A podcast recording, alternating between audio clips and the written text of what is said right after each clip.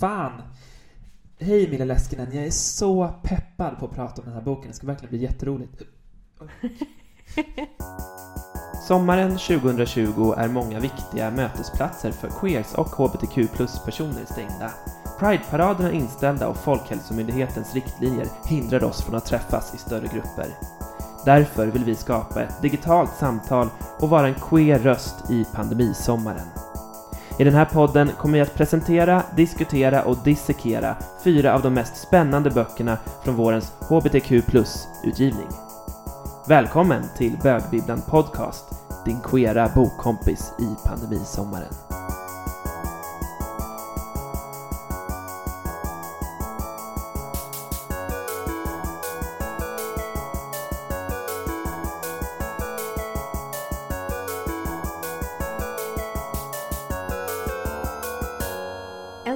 Funderat funderar på sen sist, det är att jag undrar om du har några ritualer kring ditt läsande? Hmm, svårt. Alltså, jag vet inte om det är riktigt en ritual, men jag älskar att ligga i badkaret och läsa. Alltså, jag älskar typ eh, så här, antingen komma hem en fredag jättetrött från jobbet och så lägga mig i badkaret och läsa en stund. Eller typ lördag morgon, bara typ ha så här badkarsfrukost. Mm. och så bara ladda upp med massa frukost och kaffe och så en bok och så lägger jag mig i så här varmt bad och så kan jag ligga liksom, jag kan ligga hur länge som helst och bara fylla på med varmvatten, läsa, bara mysa. Jag tror jag hade mitt helgrekord var så här åtta eller nio timmar på en helg i badkaret. Wow. Ja, det, drömmen. låter, det låter svinmysigt. Det är det. Du då? Mm. Ja, men jag, jag tänkte på det nu när jag liksom läste ganska många böcker på kort tid nu här veckan. Ehm, att, att jag har lite lustiga grejer för mig sedan barndomen och jag vet inte var de här kommer ifrån. Ehm, så du får jättegärna komma med någon så hobbypsykologanalys. Men en grej är att jag måste lukta på boken innan jag börjar läsa den. Nej. Jo, Gud Alla böcker. roligt. Men även på typ, alltså jag tänker så här även second hand-böcker. ja, Mm. och typ biblioteket. Mm. Fast kanske de som är roligast att lukta på. Det är aldrig roligt men det känns som att jag bara måste göra det. Och sen en annan grej är att jag måste bläddra alla sidor. Alltså också de vita på slutet. Det kan ju vara liksom uppemot typ tio vita blad bara. Men så måste jag bläddra igenom dem. Annars känner jag inte att jag läser här i boken. Ah, så liksom efter att du har läst den, inte innan du läser att du liksom Nej. bläddrar igenom och tittar, utan när du är klar med sist, då liksom bläddrar du igenom till Ja. slutet. Mm. Ah, jag förstår. Mm. Mm. Ja, jag brukar försöka att liksom spurta på lite i början. Helst hinna liksom så här 50 sidor i första läsningen. Så att man har kommit in i boken innan man lägger ifrån sig den Mm. första gången. För då vet man ju om det kommer vara en fucking kamp. Eller om Mm. det kommer flyta på. Just det. Det där är skitsmart faktiskt. För 50 sidor är annars en gräns för mig för när jag får ge upp en bok. Mm, du ger upp böcker. Ja, det händer. Jag väljer att tänka att jag aldrig ger upp, men att de kan pausa väldigt, väldigt, väldigt länge. Mhm. Ljuger för dig själv. Välkomna till det fjärde avsnittet av Bögbibblans podcast. Och den här veckan ska vi prata om Vi är Orlando, en amerikansk tragedi av Johan Hilton. Milla, vill du berätta om boken vi har läst? Mm. Eh, Johan Hilton är en svensk journalist och författare. Han arbetar just nu på DN som kritiker, krönikör och scenredaktör. Och han har tidigare bland annat varit biträdande kulturchef på Expressen och programledare i Sveriges Radio, P1 och P3.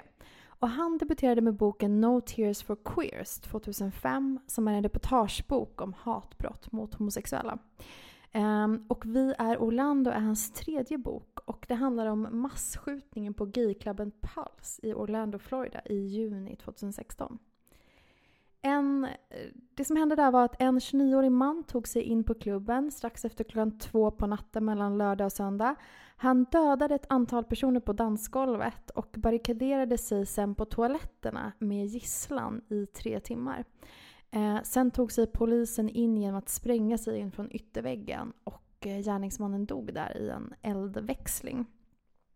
Eh, och det här som till en början antogs vara och beskrevs som ett fruktansvärt dåd och ett angrepp på hbtq-communityt eh, visade sig vara mer komplext än så. Eh, den här skjutningen skedde nämligen på klubbkvällen eh, Latin Night. Så majoriteten av de här besökarna var latinos. Många var svarta, många var migranter, arbetarklass och papperslösa och till och med hemlösa. Eh, och under rättegångarna mot förövarens hustru våren 2018 framkom det att den här förövarens motiv inte var homofobi troligen, utan en vedergällning för USAs agerande i Syrien. Och det är möjligt att han inte ens visste att det här var en klubb för hbtq-personer utan valde Pulse för att klubben saknade beväpnade vakter. Och det sägs att Pulse var hans tredjehandsval. Boken är skriven i vad man kallar för muntlig historietradition eller oral history och den saknar helt ett berättarjag och den är inte uppbyggd som ett klassiskt reportage.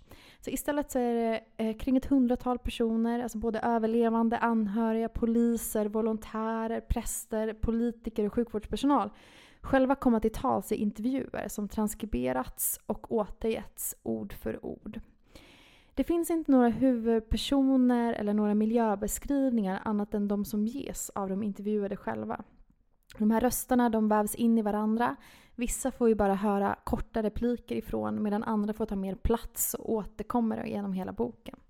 Och det här varvas med korta utdrag ur transkriberade larmsamtal och polisrapporter. Boken inleds med en beskrivning av platsen Orlando som präglas av Disney World och underhållningsindustrin. Låga löner, ett stort eh, spansktalande community, fattigdom och migration, men också kärleksfullhet och gemenskap. Sedan följer en ingående beskrivning av händelserna inne på och utanför Pulse under skjutningen samt dagarna efteråt.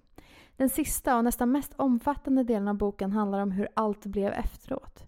Hur har det som framkom i rättegången påverkat de överlevandes bild av det som hände? Den försöker svara på frågor som hur staden har repat sig och om det går att repa sig efter en sån här händelse och hur man ska minnas den. Eh, ska man minnas den med ett museum eller ett monument eller ska byggnaden rivas? Efterdyningar av Pals blottar orättvisor och ojämlikhet både inom hbtq-communityt såväl som i staden. Vilka kommer till tals? Vilkas röst hörs? Vilka får definiera vad palsskjutningen var och hur den ska gå till historien? Ja, det här boken förstår man ju att det här kommer vara en resa. Det var en resa att läsa, men det kommer vara en resa att prata om det här också.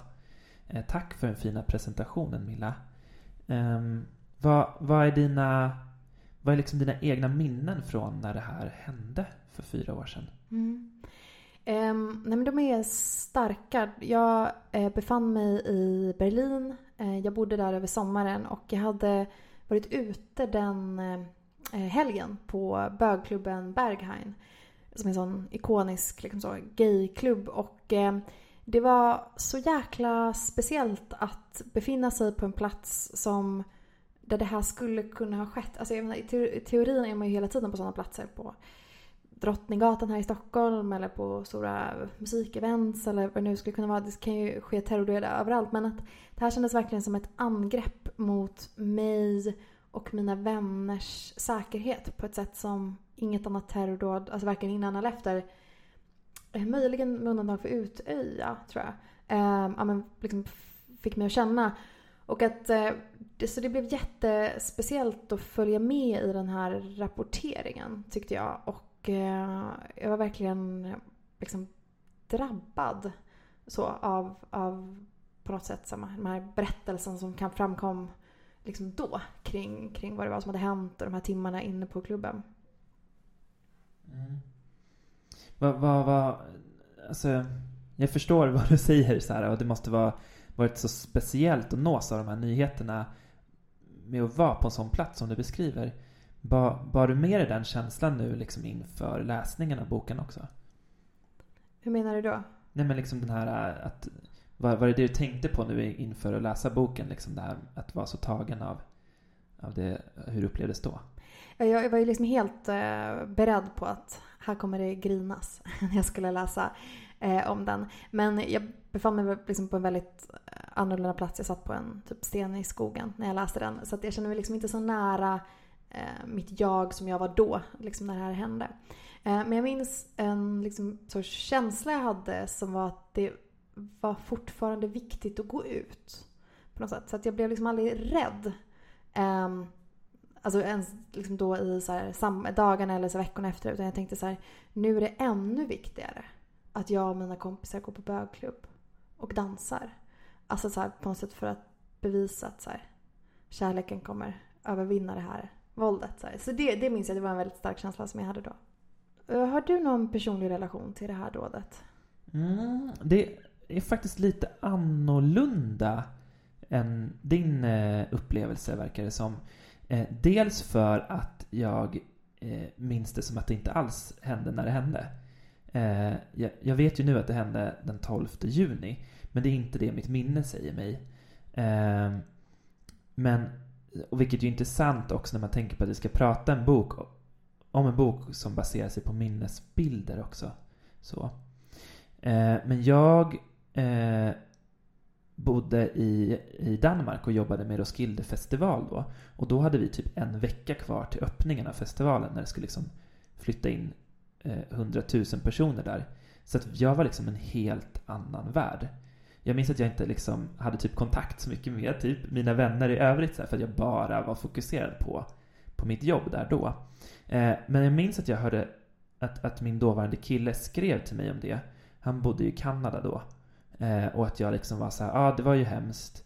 Men liksom inte registrerade riktigt egentligen vad det var som hade hänt. Och sen så var jag inne i en helt annan värld. Under ganska eh, flera veckor då, så här, där jag bara var en helt annan bubbla, bortkopplad från världen kändes det som. Eh, så att jag måste säga att när jag läste den här boken nu så var det som att jag fick upp ögonen för vidden av den här händelsen och verkligen blev så tagen av det.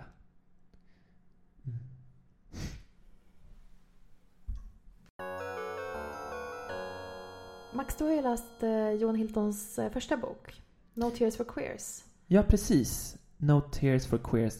Den läste jag eh, förra året, men den kom ju ut typ för 15 år sedan. 16 år sedan i år. Eh, och den handlar ju... Den, eh, den, på något vis är den lite besläktad med den här. Den handlar om, om våld mot homosexuella män. Eh, som alla, eh, tre, tre stycken eh, händelser som alla lett till mord. Eh, ett, en, eh, ett fall är då om Matthew Shepard i USA. Ett är ett fall i Katrineholm och ett fall i Göteborg. Eh, och det, eh, där får man ta del av liksom vittnesmål från människor som var på plats, från eh, polis, man får läsa många utdrag ur så olika rättegångsprotokoll och utredningar och så.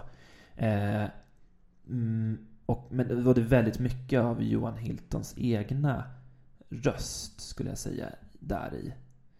Eh, och, det, och det här är mm. tre homosexuella män? Precis. Som har blivit mördade. Som har blivit mördade, mm. precis. Mm. Uh, mm. Okej, så det låter som att den, ja, men den rör sig kring samma tematik men eh, verkar vara ganska annorlunda skriven mot den här. Men precis, alltså det är ju verkligen mycket vittnesmål med den så, citerade. Eh, och den bygger på, på intervjuer också, den boken. Men inte riktigt på samma sätt som den här boken mm. är skriven. Ja, hur skulle du beskriva att den här är skriven för någon som inte har läst det? Den här är skriven utan en tydlig berättarröst skulle jag säga. Det är ju bara eh, utdrag ur intervjuer som Johan har gjort med eh, offer, överlevande, anhöriga, andra personer runt om den här händelsen som han har vävt samman till ett händelseförlopp. Så. Och så är det några korta delar som är från något rättegång eller någon nyhetsinslag eller så. Men det är inte så långa delar här utan det är nästan enbart de rösterna från intervjuerna och de kommenteras ju inte alls egentligen.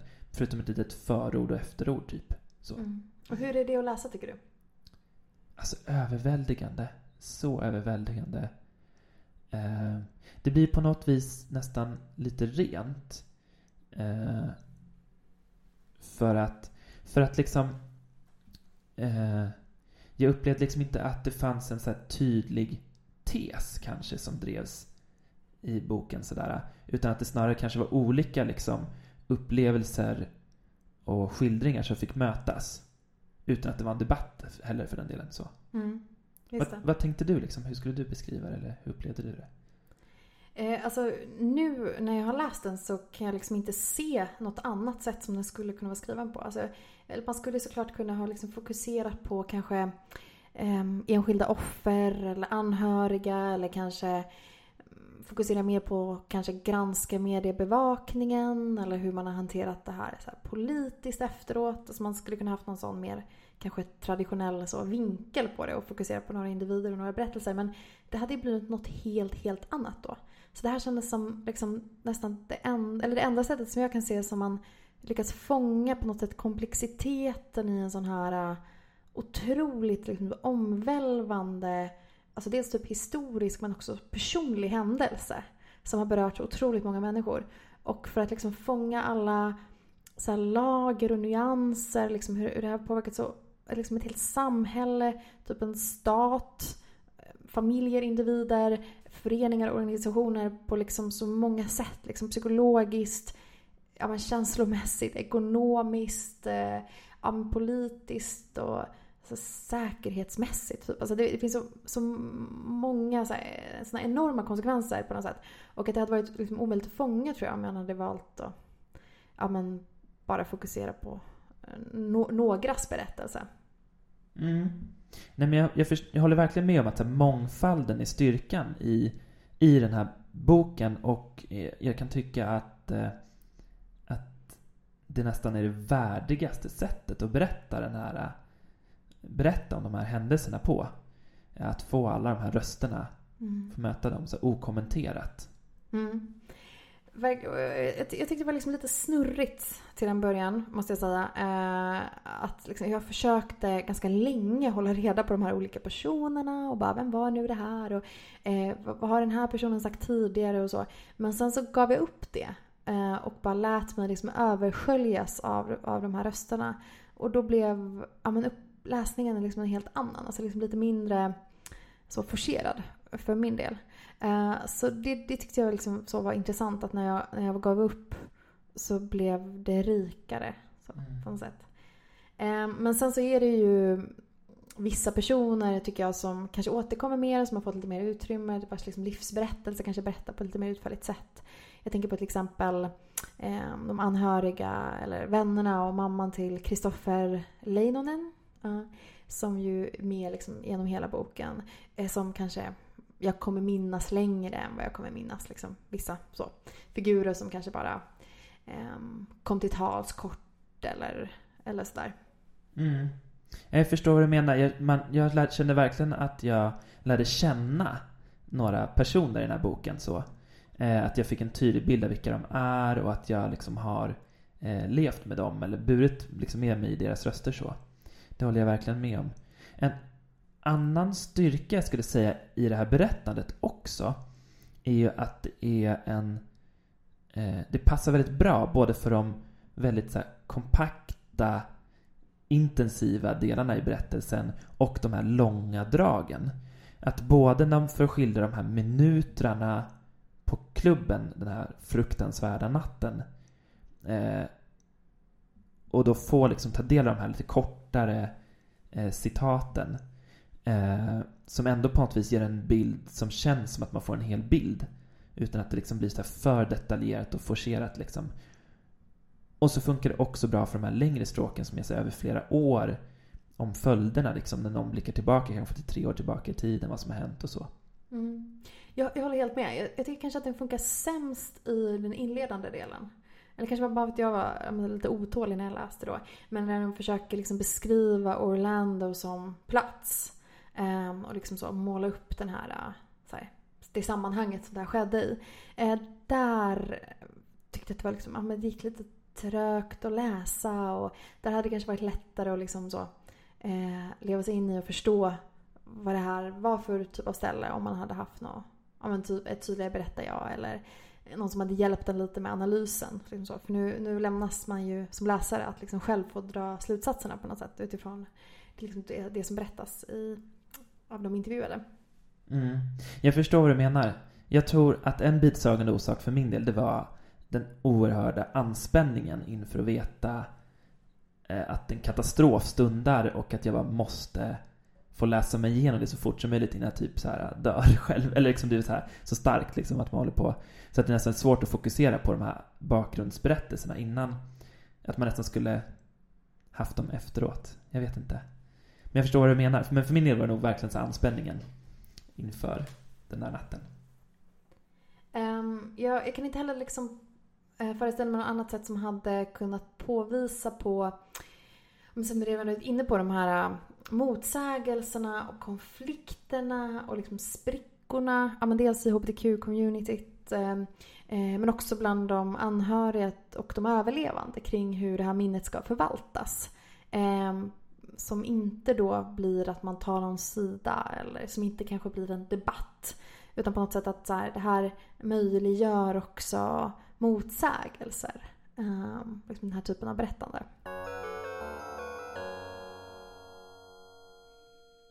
Ehm, jag tänkte att vi ska läsa ett kort utdrag från um, ungefär mitt på boken.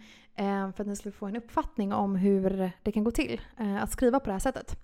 Uh, och det här är då på natten, eller liksom på morgonen efter det här dådet. Och uh, den första personen vi får höra här är Hillary McFadden som är verksamhetsansvarig på patientmottagningen på Orlando Regional Medical Center. En annan grej var det här med hur man väljer att definiera sin familj. Jag har homosexuella vänner som klippt kontakten med sin blodsfamilj och istället valt en egen, bestående av vänner. I ett sådant läge är vänner att betrakta som bröder och då är en, en kompis ens mamma. Därför övergav vi tidigt idén om att familj är någonting som har med blod att göra. Dessutom fanns det många papperslösa bland de inlagda och ett par av dem hade fejkade ID-kort och lades in under fel namn. Vilket alltså också gjorde att vi inte visste vad de hette på riktigt. Och för att komplicera det ytterligare har många i det spanskspråkiga communityt ofta flera namn. Det kan alltså heta tre, fyra olika saker samtidigt som de bara har ett egentligt tilltalsnamn. Så när människor kom in hände det ibland att man fick höra fem eller sex olika namn på personen de eftersökte. Mitt team försökte skriva ner dem så gott det gick tillsammans med så många kännetecken som möjligt. Nancy Rosado, aktivist, terapeut, volontärtolk. Jag bestämde mig för att stanna kvar på sjukhuset, sprang fram och tillbaka, tolkade, eh, tröstade. Holly Stewart, ansvarig för patientmottagningen. Vid halv elva, elva tiden den förmiddagen kom en av våra kirurger in i rummet. Han läste upp två listor. En av dem var över människor som klarat sig och låg på ett annat sjukhus. Den andra var över de som var inlagda här på sjukhuset och om deras tillstånd. Kristin Leinonen, anhörig mamma till Christopher Drew Leinonen som dog Eh, under palsskjutningen. Namn efter namn ropades upp. Anhörig efter anhörig droppade av. Holly Stewart igen. Anhöriga till de vars namn blivit upplästa togs antingen till det ena sjukhuset eller direkt till patienterna här på sjukhuset. Nancy Rosado. Okänsligheten är ganska, var ganska anmärkningsvärd måste jag säga. Om ens barn inte stod med på någon av listorna, var det tänkt då, vad var det tänkt man skulle förmoda då? Holly Stewart. Vi berättade för alla vars anhöriga inte stod med på listorna att det fortfarande fanns många som ännu inte var identifierade. Men man såg hur de räknade på oddsen och hur verkligheten började gå upp för dem. En känsla av desperation, vantro och massor, massor av ångest. Tack Milla. Det där är ju ett jättebra exempel på hur den här boken är skriven och hur liksom den gemensamma, en, eller en kollektiv berättelse liksom växer fram med flera röster. Mm. Eh, och jag tyckte det var intressant också att bara tänka alltså, på, om man tänker på en författare så tänker man att författaren är på något sätt det ord hen har skrivit. Men här är ju egentligen otroligt få av de här 400 sidorna skrivna av Johan. Eh, av, eller av författaren Johan Hilton. Eh, utan hans verk består i att eh, intervjua, redigera, att tematisera eh, andras ord. Eh, och jag tyckte bara att det var liksom så intressant i sig att tänka på. Att eh, eh hur ett verk kan liksom växa fram på väldigt olika sätt. Eh, och jag tycker också att det, det var så men, sjukt bra att typ läsa en sån här bok. Eh, eller man borde liksom göra det då och då. Eh, för att bara bli påmind om hur komplex verkligheten är. Och hur jäkla svårt det är att liksom skildra sanningen. Eller liksom ge en rättvis bild av ett händelseförlopp. Eh, för man tänker på liksom hur mediebevakningen såg ut då och liksom så fortsatt se ut under lång tid efter Pals. Så, eh, det är väl liksom kanske inte nödvändigtvis lögner som har förts fram där. Men det har liksom framförallt inte varit liksom hela bilden. Och jag tror att det är det här liksom boken så påminner om hur, hur svårt det är att bedriva liksom, så här, sanningsenlig eller så rättvis journalistik. För att verkligheten är så jäkla krånglig. Och jag tycker att det är så modigt och typ klokt att så här, ge sig i kast med det. Eh, på det här sättet. Att liksom, för det är ju att ja, men för det första liksom den egna insatsen i så här, hur ska man kunna greppa över det här, ja, men liksom så här, oöverstigliga materialet på typ 100 intervjutimmar. Eh, men också i att det, man har ju förväntat sig också någonting av läsaren ju, eller hur? Att, så att man ska kunna ta del, att man ska kunna ta det här liksom ganska mastiga, så, stundtals så känns det ju nästan så ofiltrerat, det här materialet. Att man måste liksom kunna ta det till sig och det finns inga enkla svar och inga enkla sanningar. Mm. Ja men verkligen. Och sen bara det liksom att ge sig in i det här projektet, det så här enorma anförtroendet de här eh, personerna har visat eh, författaren i att dela med sig av sina berättelser. Att trots, alltså många av dem har ju känt sig ganska missrepresenterade i medier, fick man ju läsa om i boken. Och att de ändå eh, har förtroende att dela med sig av sina berättelser, att den kommer liksom ges rättvisa i den här boken. Och liksom, eh, så att, alltså det är verkligen en så här hjälteinsats också att skriva ner det här och dokumentera det och, och se till att människor tar del av det. Och jag tänkte på det när du sa det där med om att, att liksom allt, liksom hur man ser på författaren och att, att det här är ju inte hans ord på det sättet men allt arbete som har gjorts med att, att ordna materialet och framställa det och tematisera som du beskriver och att, att befinna sig Alltså det är, det är jobbigt att befinna sig i de här händelserna medan man läser i, i några timmar.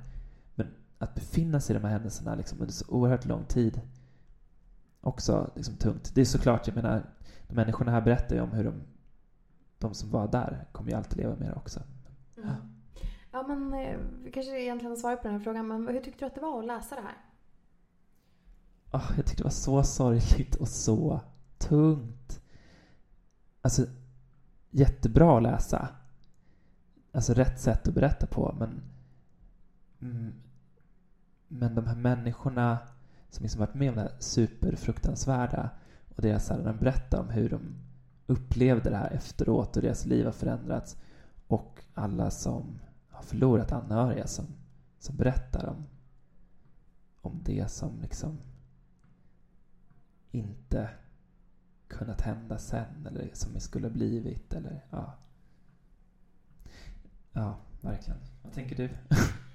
Jag tycker också den var sjukt eh, tung att läsa och behövde verkligen liksom pausa och typ gå och bada emellan bara för att liksom skingra tankarna för det var liksom ett jobbigt universum att vara i.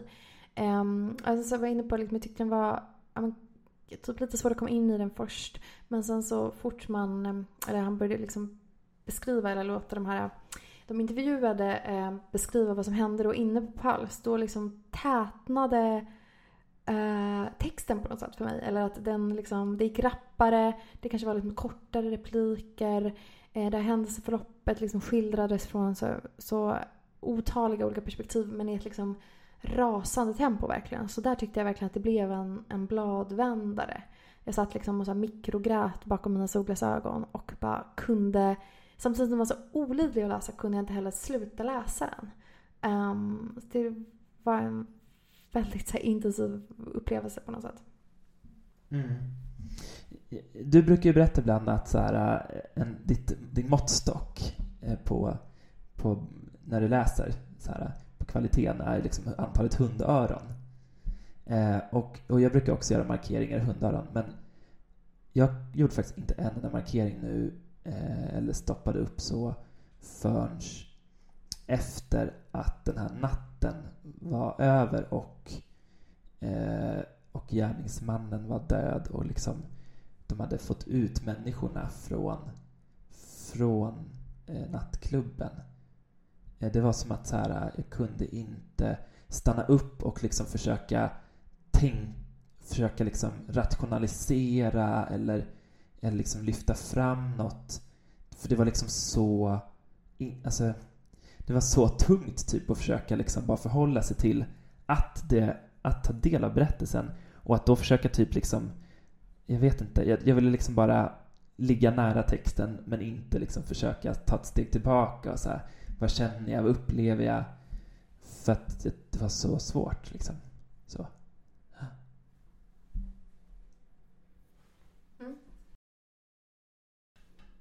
Um, ja, men intressant det här med att du um, på något sätt behövde ta dig igenom den passagen som handlade om själva alltså skjutningen eller det, det som utspelade sig på klubben. Eh, jag, jag förstår vad du menar men det var verkligen vissa grejer, så här, vissa detaljer som liksom så här, etsade sig fast och som jag inte ville glömma. Um, så bilder typ som, som var så jäkla brutala man liksom knappt vill berätta om dem. Men till exempel de här telefonerna som fortsatte ringa i så pop, så, Liksom så pölarna av blod. Jag tror det var någon polis som skildrade det här. Alla liksom anhöriga som försökte få tag på, på liksom sina barn eller så familjemedlemmar närstående som var, de visste att så här, det var skottlossning där och att de kanske var där och ville veta om de levde eller dog men att, att ingen vågade svara heller för att eh, när förövare liksom så eh, sköt på alla som rörde sig. Alltså, det var någonting med de här om telefonerna i blodpölarna. Um, eh, Eh, och de här skildringarna från de här timmarna på toaletten när en del av de här klubbesökarna hölls gisslan av den här gärningsmannen och hur de liksom låg på varandra. Liksom så tiotals personer och behövde hålla för liksom, kulhål på sig själva och varandra med händerna. Eh, och inte visste om de skulle liksom leva eller dö ja, det och de här um, de anhörigas väntan Eh, på liksom sjukhuset eller efteråt för att veta om deras ja, um, familjemedlemmar liksom lever eller är döda. Alltså det var ja, verkligen några liksom bilder eller beskrivningar där som bara liksom, ja, i detaljerna som på något sätt letade sig oerhörda in.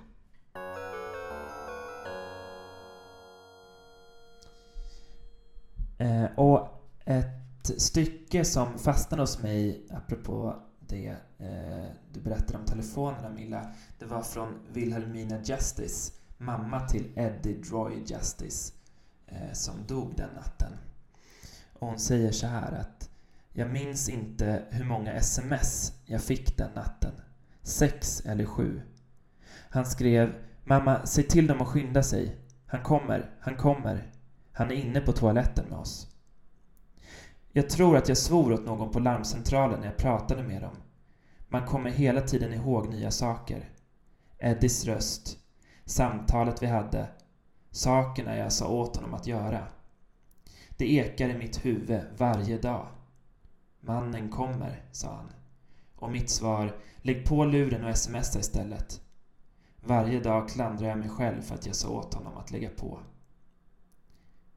Det sista smset kom 02.39. Jag har fortfarande kvar det. Då hade jag åkt in till stan och stod vid sjukhuset. Jag kommer inte ihåg hur jag kom dit. Jag har försökt, men jag kommer inte ihåg. Allt är avspärrat. Man kommer inte fram. Det var kaos, så jag stod vid sidan av gatan. Det kom stora bilar med kroppar, med kroppar på flaket. Där stod jag med alla andra mödrar, systrar, bröder på trottoaren. I sitt sista sms till mig skrev Eddie Jag kommer att dö.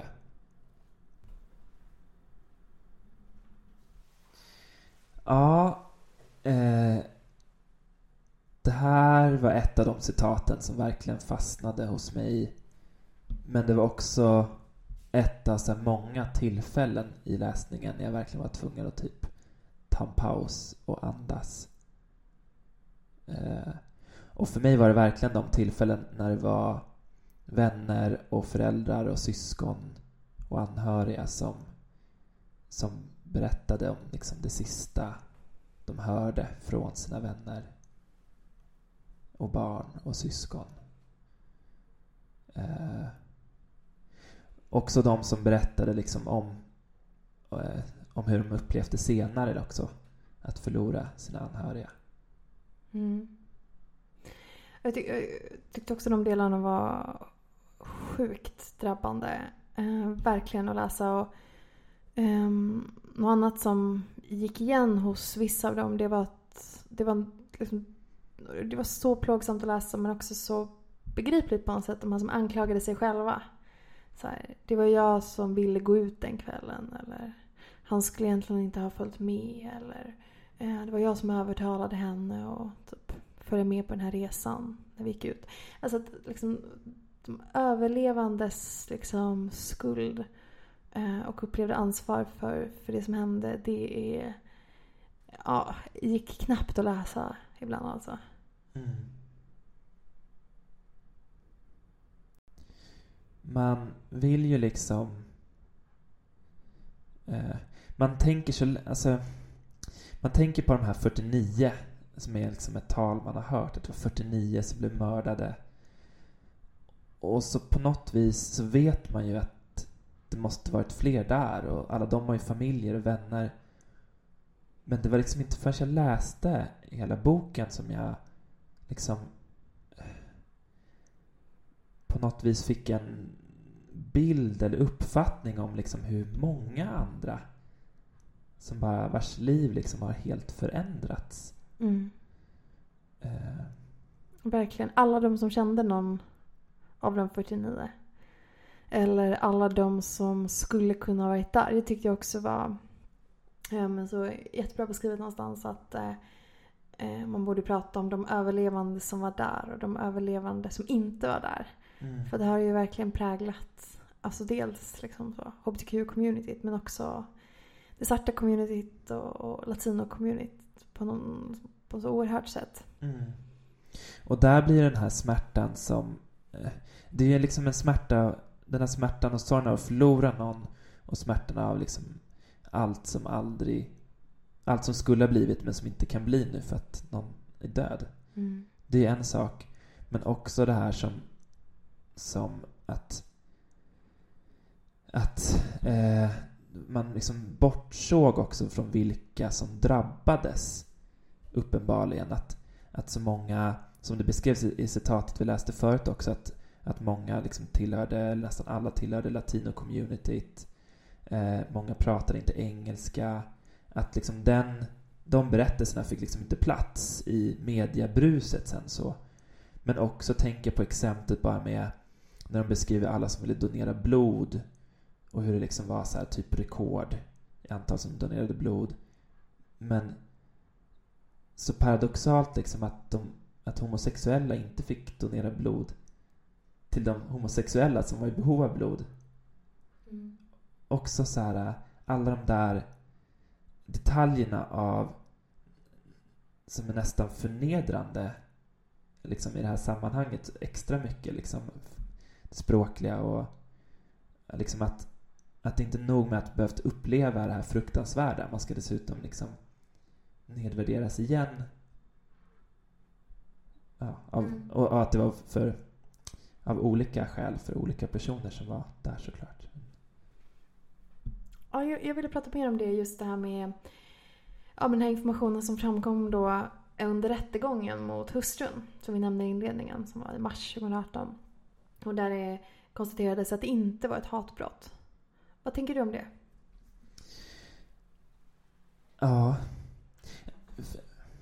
Först tänkte jag faktiskt på eh, eh, Johan Hiltons förra bok. För där skriver han mycket just om så hatbrottstermen. För det som var gemensamt där för de morden där, det var att man inte heller ville klassa dem som hatbrott. För det liksom innebar någonting annat än att eh, någon som var bara missanpassad till samhället blev mördad. Det var lättare att kunna ha en sån story. Men det här eh, är ju en annan, en annan historia. Eh, och det jag tänker på, liksom, här, det som var argument för att det här inte är ett artbrott här, det är ju eh, att han, gärningsmannen inte hade uttalat något hot mot eh, homosexuella eller queers eller hbtq-samhället. Eh, och att det verkade vara helt slumpmässigt att det var just den här klubben som det här dådet utfördes på, att han hade rekognoserat på andra ställen. Men, eh, och det här diskuteras ju ganska utförligt i boken, så även om inte Johan Hilton tar ställning till det själv. Det jag tänker är att det finns någon slags implicit våld i, i samhället mot marginaliserade grupper. Och i det här fallet så kanske det tog sig uttryck genom att det var just den här klubben som saknade eh, säkerhetsvakter eller, eller metalldetektorer eller vad det nu skulle varit som fanns på de andra ställena som dåligt inte kunde utföras på.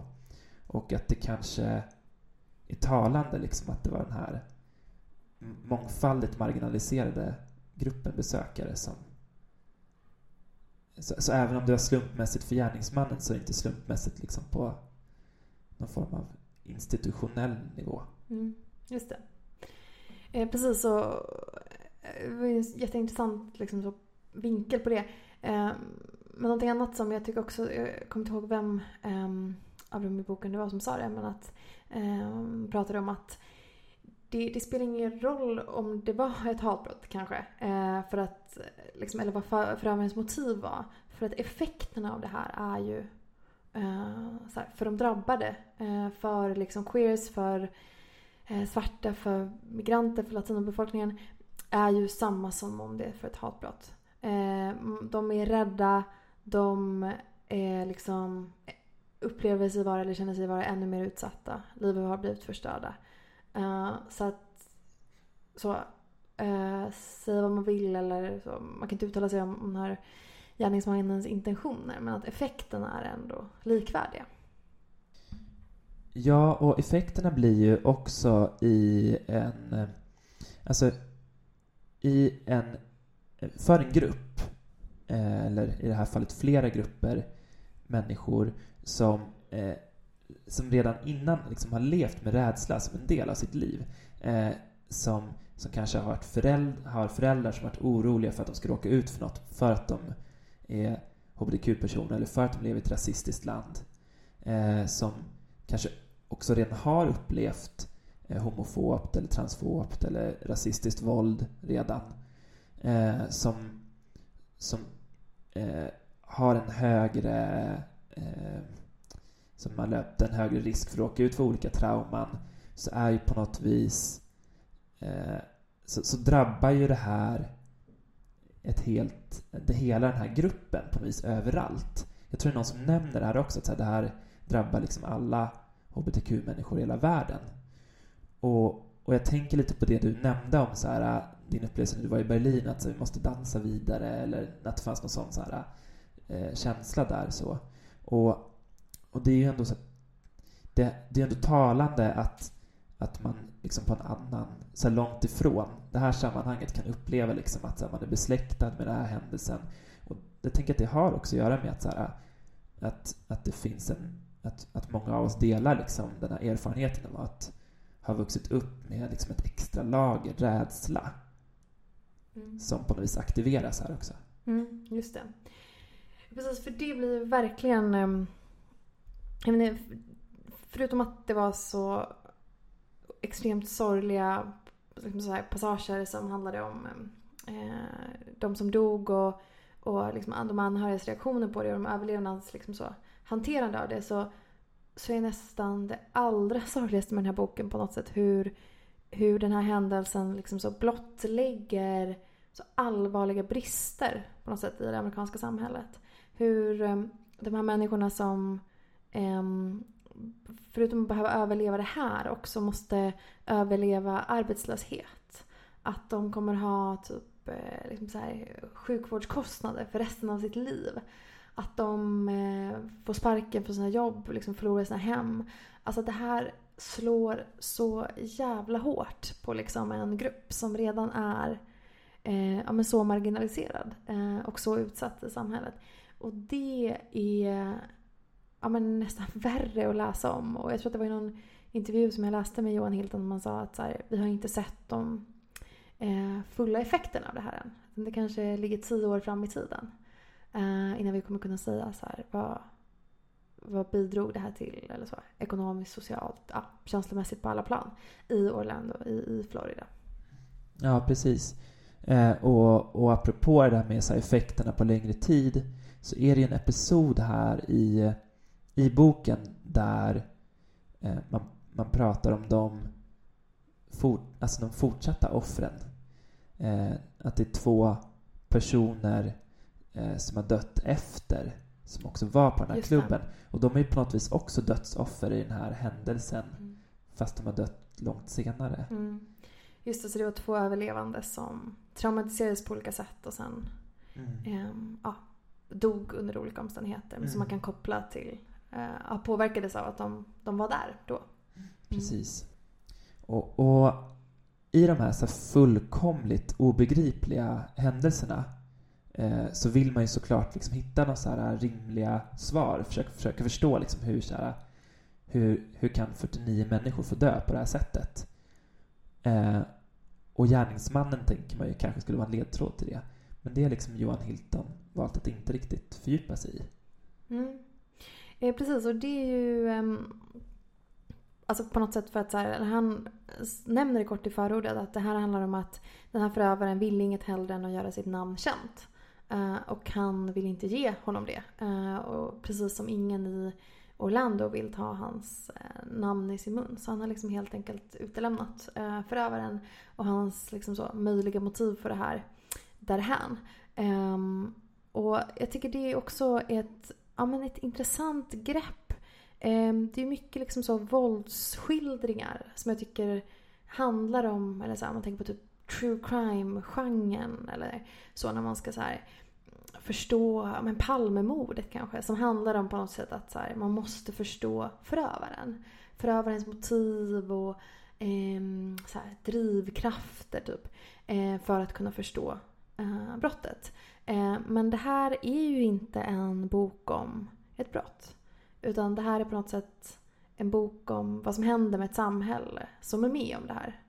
Eh, och det är något helt annat. Men jag tror att det är liksom ah, svårt att slå sig fri från den här önskan på något sätt att liksom försöka förstå vad det var som drev honom. Mm. Och det tänker jag är ju, du nämnde liksom så andra händelser i början, så nämnde du andra händelser som kanske liksom påverkat dig starkt också. Då nämnde du Utöja. Och där fick vi på något vis ett så himla tydligt svar efteråt. Och det tänker jag måste ha varit så viktigt för, för många människor. Mm. Eller det var viktigt för oss här också tror jag. Mm. Att få det svaret att, så här, att det fanns ett politiskt motiv. Så. Men att stå lite halvt utan det måste vara oerhört plågsamt. Mm. Vi har ju varit inne en del på att på de liksom personliga eller individuella traumana eller eh, upplevelserna, berättelserna som, som trädde fram i, eh, i den här boken genom vittnesmålen. Men boken har ju också ett, tycker jag, ganska tydligt så här strukturellt perspektiv och försöker se, eller större bilder träder fram också. Eh, var, var, var det något som du la märke till där? Mm. Ja men det blev ju verkligen ehm, eh, tydligt också. Och så saker som jag inte alls kände till innan jag började läsa det här. Men, eh, ja, men till exempel så här, kritiken kring vilka som fick komma till tals efter eh, det som hände. Eh, till exempel så är det flera personer som beskriver att eh, de få liksom, vita personerna som överlevde de blev intervjuade liksom, hela tiden av olika mediekanaler medverkade i massa nyhetsinslag medan den liksom stora majoriteten av de som, som dog eh, inte fick komma till tals på samma sätt. Och att det här handlade om ja, men dels liksom så språkkunskaper. Uh, att många av dem kanske inte kunde engelska eller kunde inte så bra engelska. Um, och att de därför liksom inte ja, men gjorde sig så bra i TV. Och därför blev det också liksom att de vita personerna uh, fick så agera språkrör för eh, fast de i själva verket var i minoritet av de som liksom drabbades av det här. Så det var ju en sån grej som blev väldigt tydlig. Och det andra är liksom i hanteringen på något sätt av det här efteråt. Eh, vilka var det som politiker var det som kom till tals? Eh, vilka blev de tongivande liksom så, rösterna bland aktivisterna i hbtq-organisationerna? Eh, fördes fram kritik också mot eh, till exempel presskonferensen. Eh, jag tror det var den första presskonferensen som hölls. Att det var ja, men, till stor del bara vita personer där. Att allt var på engelska till exempel och inte var översatt till spanska och så vidare. Mm. Precis, och, och det nämns ju att eh, det, hölls en, eh, det hölls ju många vakor efter det här. Det hölls ju en, en spanskspråkig vaka som inte så många besökte och som tydligen var väldigt dåligt planerad. Och där, där gjordes det liksom tydligt också att så här, det handlar om vilka som haft möjlighet att så här, ta ledarroller i olika rörelser innan, som liksom har resurserna för att så här, nå ut med sina röster och, och, och hantera mediaspelet. Så. Som har resurserna för att ordna liksom, stora minnesstunder eller vakor och att det är de som får diktera villkoren. Men att det här också var ett... Att de här orättvisorna blottlades eh, var också en möjlighet för att på något vis börja arbeta med dem på någon form av så här samhällsnivå, verkar det som. Och också gav, gav på något vis latino eller latinx eh, communityt mer eh, luft under vingarna kanske, eller utrymme. Mm. Verkligen. Och inte bara dem utan också eh, det svarta communityt till exempel som beskrevs eh, skrevs om och också eh, att man börjar prata om liksom migranters liksom, rättigheter på ett annat sätt. Eh, ja men mitt i all denna depp så tycker jag att det fanns verkligen så tydliga positiva eller ska man säga, hoppfulla stråk på något sätt i um, i den här skildringen. Eh, dels så grinade jag satan till alla de här eh, alltså skildringarna av typ civilkurage. Alltså dels inifrån alltså, liksom så här, överlevande som räddade varandra eller försökte rädda sina vänner eller främlingar. Liksom inifrån själva Pulse men också så här, de här, var det 600 terapeuter som typ flög in från typ en dag till en annan för att alltså, arbeta volontärt för att liksom hjälpa de um, överlevande. De här terapihundarna uh, som liksom bara strök omkring några dagar i ett av de här centren som liksom så uppstod efteråt um, för de överlevande och andra berörda. Uh, och människorna som kom med vatten och ville donera blod och liksom hjälpte till och köpte mat. Alltså, det verkar ändå som att så här, det här också har fått Orlando eh, att visa sina bästa sidor. Alltså mitt i allt det här eh, vedervärdiga. Verkligen, och man blir ju liksom, eh, men som du beskriver, så här, tagen av att, att det tycks ha varit så här eh, o... Gud, vad heter det där, man inte vill ha något tillbaka? Så här, osjälviskt hjälpande. Så här, alltså. eh, absolut. Och, och så mycket att liksom inte ens man kunde ta hand om allt, all hjälp som man fick. Och det skildras ju väldigt fint i boken, så många sådana detaljer som du tar upp. Men också den där liksom, det var någon person som hade någon så särskild typ av allergi som behövde hjälp med maten efteråt. Och då var det typ så här, någon som lagade mat som var bra på det och sen så lämnade över till någon annan som hade körkort mm. som körde det till den personen. Och ja, att verkligen så här, man man tänker sig att av alla de som måste varit inblandade i allt det här, den här uppslutningen, att de förhoppningsvis liksom upplevde så här, det här vad man kan göra för andra när det väl gäller, liksom att det lever kvar. Mm. Eh, och, precis, och förutom eh, allt det här på något sätt från så här, både företag men också civilsamhället eh, eller i stort så eh, tycker jag också att, att det verkar ändå som att det har bidragit till liksom bra saker om man tänker på alltså själva hbtq-communityt. Att de spansktalande eh, hbtq-föreningarna liksom och organisationerna att de har liksom blivit starkare av det här. Eh, det är fler liksom så med liksom diverse röster som hörs. Eh, det är också, eh, jag tror att det är 35 mindre hbtq-organisationer i Florida som har gått ihop ehm, på ett sätt som aldrig har gjorts tidigare i USA vad jag förstår. Eh, I vad de kallar för en One Alliance, tror jag. Mm. Eh, och samarbeta kring frågor på ett sätt som ja, men tidigare inte varit möjligt. Helt enkelt på grund av liksom de så djupa splittringarna i, i communityt. Um, och det eh, var också ja, men superintressant att få ta del av tycker jag. Mm. Och så, ja, liksom så intressant och så sjukt att det kunde samexistera liksom så, med allt det här andra. Liksom så. Ehm, allt så lidande, alla så här, konsekvenser som egentligen, ja, som vi varit inne på, som vi fortfarande liksom inte har sett kanske så vidden av än. Mm. Och det där tycker jag verkligen kom till uttryck också i, eh, eh vad var det jag tänkte på med, jo men det där med att här, både konflikt och samarbete kan på något vis existera sida vid sida. Det tänker jag är extremt viktigt för typ alla hbtq-rörelser att komma ihåg att så, här, så länge det finns konflikt så håller vi oss levande och ökar chansen för inkludering. Men vi behöver också typ samarbeta samtidigt som vi är i konflikt med varandra. Och det tycker jag framgick väldigt tydligt i den här boken, liksom, att man kan ha väldigt olika ståndpunkter eller liksom, utgångspunkter men ändå ha någon form av gemensamt mål. Eh, men den starkaste sån skildringen tycker jag nästan var eh, den här, den kom i slutet, den här skildringen av vad man ska göra med den här platsen.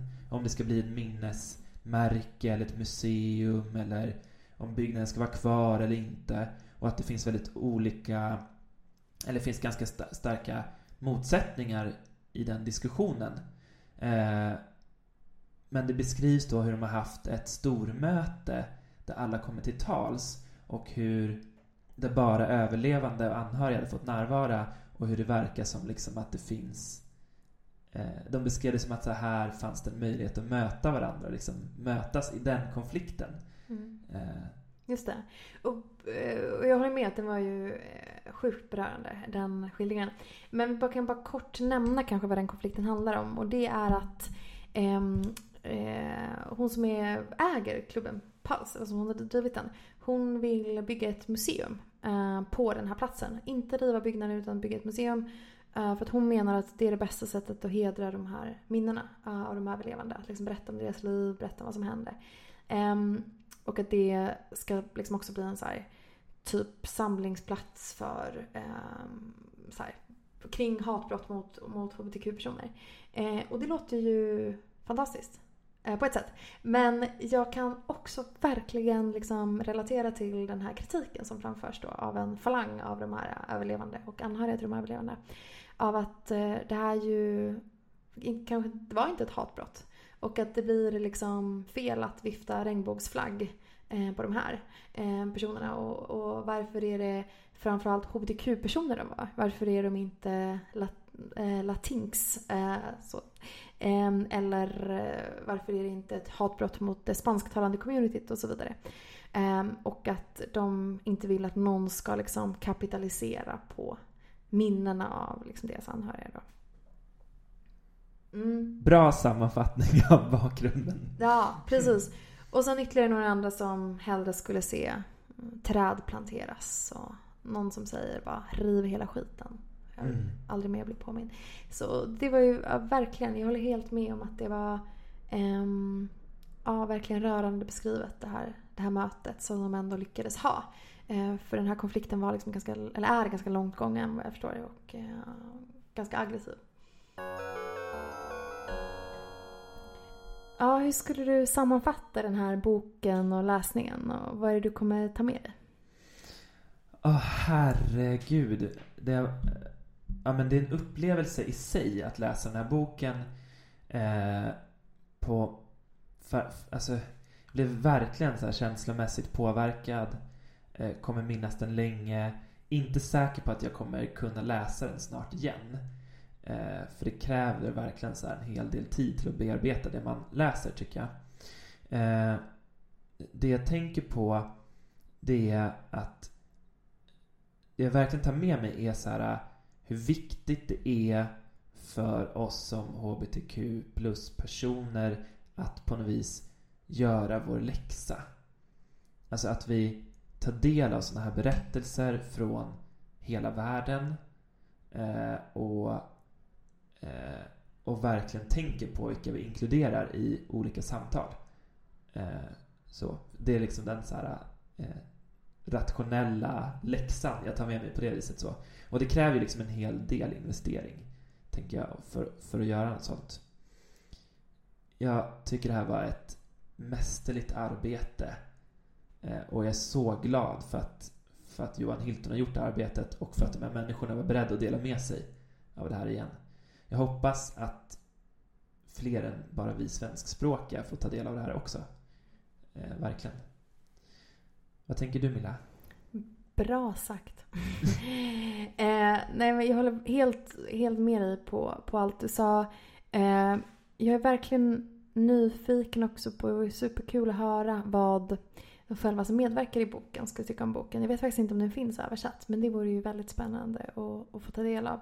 Um, jag tänker liksom bara som ett tillägg till det du sa att så här, alltså inte bara kring den här händelsen utan det också, det också kännas som en väldigt viktig påminnelse om att så här, vi måste orka eh, vilja förstå saker ur flera perspektiv. Alltså vi, måste, vi borde liksom orka eh, sätta oss in i liksom så komplexa eh, händelser och vi måste anstränga oss för att se dem från alla möjliga vinklar. Alltså så många vinklar vi kan eller har liksom tillgång till. För det är så lätt att liksom så gå igenom livet och bara liksom dra slutsatser eh, om vad saker är eller eh, vad saker har varit så, eh, på så grundkunskap på något sätt. Och jag, jag, jag gör det hela tiden. Som med den här händelsen att jag, om jag inte hade läst den här boken hade jag alla gånger eh, förmodligen liksom hävdat att så här, nej, men det här var ju ett hatbrott. För det var ju hbtq-personer som blev skjutna. Eh, men nu är jag inte säker på att jag skulle säga det. Eh, och eh, ja, men att, att jag tyckte det var en, en jätte, jätteviktig liksom, påminnelse. Ehm, dels det och sen det andra att så här, eh, vi måste se till vad olika ja, historiska händelser har för effekter på liksom, samhället snarare än att så här, eh, kanske stirra oss blinda på typ orsakerna. Eller så. Eh, vad som drev människor att göra på vissa sätt. Eh, för att liksom kunna förstå dem. Och att jag vill komma ihåg det. Och jag hoppas jag gör det. Tack. Mm. Tack för att ni har lyssnat. Och läs den här boken. Ja. Alltså, gör det bara. Eh, så himla bra. Plågsam men oerhört läsvärd. Ja, och eh, nu ska vi runda av och säga hej då. Vilken, vilken bok ska vi prata om nästa gång? Mm, Ja, ehm, vi ska prata om Nätterna på Vinterfältplats av Elin Bordi. Mm. Så snabbläs den till nästa gång Mm, om ni vill hänga med då. Ja, och det ska bli så spännande. Jag vet väldigt lite om den boken och den författaren. Mm. Mm. Tack för att ni har varit med och hört. Ha det bra. Hej hej! Hej då!